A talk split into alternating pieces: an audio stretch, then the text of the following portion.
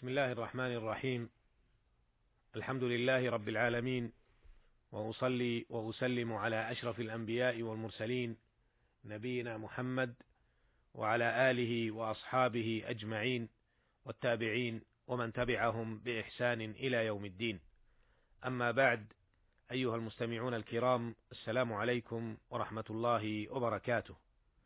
لا زلنا نواصل الحديث عما رواه الشيخان عن عبد الله بن عباس رضي الله عنهما أنه قال قال رسول الله صلى الله عليه وسلم لمعاذ بن جبل رضي الله عنه حين بعثه إلى اليمن إنك ستأتي قوما من أهل كتاب فإذا جئتهم فادعهم إلى أن يشهدوا أن لا إله إلا الله وأن محمدا رسول الله فإنهم أطاعوا لك بذلك فأخبرهم أن الله قد فرض عليهم خمس صلوات في كل يوم وليلة. فإنهم أطاعوا لك بذلك فأخبرهم أن الله قد فرض عليهم صدقة تؤخذ من أغنيائهم فترد على فقرائهم. فإنهم أطاعوا لك بذلك فإياك وكرائم أموالهم واتق دعوة المظلوم فإنه ليس بينها وبين الله حجاب. وعرفنا في حلقتين سابقتين أهمية الزكاة وعظم شأنها وعلو مكانتها كما استعرضنا بعض الفوائد والحكم من إخراجها. وفي هذه الحلقة نكمل الأحكام المتعلقة بالزكاة في الوقفات الآتية. الوقفة الثالثة. استدل بعض أهل العلم بهذا الحديث على أن الإمام هو الذي يتولى قبض الزكاة وتوزيعها. لقوله صلى الله عليه وسلم تؤخذ من أغنيائهم. قال الحافظ ابن حجر رحمه الله قوله تؤخذ من أغنيائهم استدل به على أن الإمام هو الذي يتولى قبض الزكاة وصرفها إما بنفسه وإما بنائبه فمن امتنع أخذت منه قهرا. انتهى كلامه رحمه الله. والذين قالوا بهذا القول عضدوا قولهم هذا بقوله سبحانه وتعالى خذ من أموالهم صدقة تطهرهم وتزكيهم بها. والآخذ هنا هو الإمام إما بنفسه وإما عن طريق نائبه. والذين قالوا بهذا القول لا يعني قولهم أن الإنسان لا يجوز أن يفرقها بنفسه بل له ذلك إذا تأكد من وصولها إلى مستحقيها. قال ابن قدامة رحمه الله: ويستحب للإنسان أن يلي تفرقة الزكاة بنفسه ليكون على يقين من وصولها إلى مستحقيها، سواء كانت من الأموال الظاهرة أو الباطنة.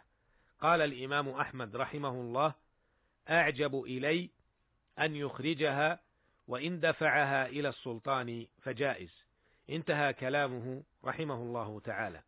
ومع هذا فقد ذكر أهل العلم أن الوالي له أن يطالب الرعية بالزكاة في أي نوع من أنواع الأموال كما فعل أبو بكر رضي الله عنه. الوقفة الرابعة.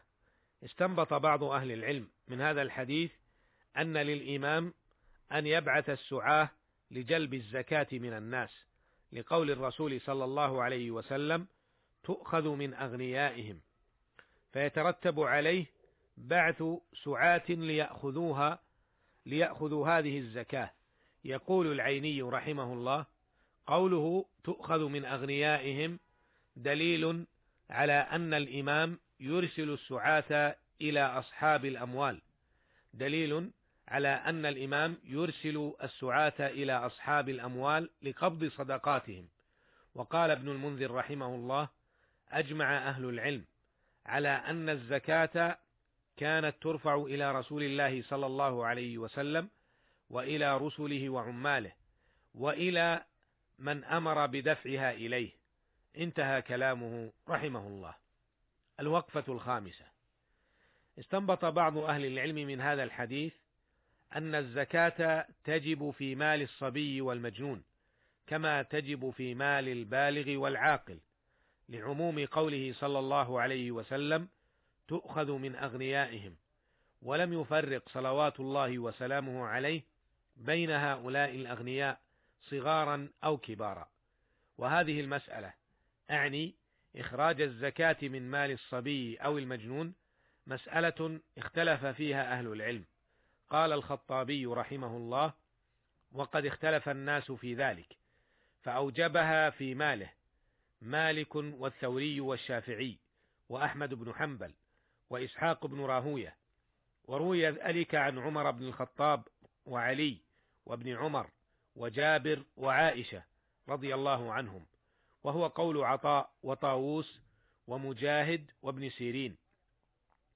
وقال أصحاب الرأي لا زكاة عليه في ماله إلا فيما إلا فيما أخرجت أرضه ويلزمه زكاة الفطر. انتهى كلام الخطابي رحمه الله. وما ذهب إليه جمهور أهل العلم من أن الزكاة تجب في مال الصبي والمجنون هو الموافق هو الموافق لعموم الأدلة. فقد قال تعالى خذ من أموالهم صدقة تطهرهم وتزكيهم بها ولم يفرق سبحانه وتعالى بين مال الكبير والصغير وبين مال العاقل ومال المجنون. وكذا ما رواه الترمذي وغيره عن عمرو بن شعيب عن أبيه عن جده أن رسول الله صلى الله عليه وسلم قال من ولي يتيما له مال فليتجر له ولا يتركه حتى تأكله الصدقة. وذكر الجمهور أن المطالب بإخراجها عنهما هو وليه هو وليهما القائم على شؤون مالهما. الوقفة السادسة استنبط بعض أهل العلم من هذا الحديث أنه ليس في المال حق سوى الزكاة المفروضة إلا على سبيل التطوع لقوله عليه الصلاة والسلام فأعلمهم أن الله افترض عليهم صدقة تؤخذ من أغنيائهم فترد على فقرائهم. ولم يذكر صلى الله عليه وسلم غيرها من الأموال فدل على أنه لا يجب في المال حق إلا الزكاة. وهذا بلا شك لا يدخل فيه الحقوق الأخرى الواردة في مثل قوله تعالى ليس البر أن تولوا وجوهكم قبل المشرق والمغرب ولكن البر من آمن بالله واليوم الآخر والملائكة والكتاب والنبيين وآتى المال على حبه ذوي القربى واليتامى والمساكين وابن السبيل والسائلين وفي الرقاب وأقام الصلاة وآتى الزكاة والموفون بعهدهم إذا عاهدوا والصابرين في البأساء والضراء وحين البأس أولئك الذين صدقوا وأولئك هم المتقون. فدلت الآية الكريمة أن من البر إيتاء المال على حبه ذوي القربى واليتامى إلى آخر من ذكرهم من ذكروا في الآية وعطف على ذلك إيتاء الزكاة. فدل ذلك على أن هناك حقوق أخرى في المال تجب على الإنسان أن يؤديها إذا قام داعيها إلى ذلك. أيها المستمعون الكرام المال نعمة عظيمة ينعم بها الله تعالى على كثير من عباده. يبتليهم به ليرى موقفهم منه. هل يقوم بالحقوق الواجبة عليهم فيه؟ أم يكون ذلك المال سببا لطغيانهم وتكبرهم على عباده؟ فإن أدى المسلم الحق الواجب فيه صار هذا المال نعمة عليه في الدنيا وفوزا وفلاحا في الآخرة وإلا صار وبالا وهلاكا عليه في الدنيا والآخرة. أسأل الله تعالى أن يجعلنا من عباده الذين إذا أعطوا شكروا وإذا منعوا صبروا وأن يزيدنا تعالى من فضله ونعمه وأن يعيننا على ذكره وشكره وحسن عبادته. إنه سميع مجيب وهو المستعان. وإلى اللقاء في الحلقة القادمة إن شاء الله. والسلام عليكم ورحمة الله وبركاته.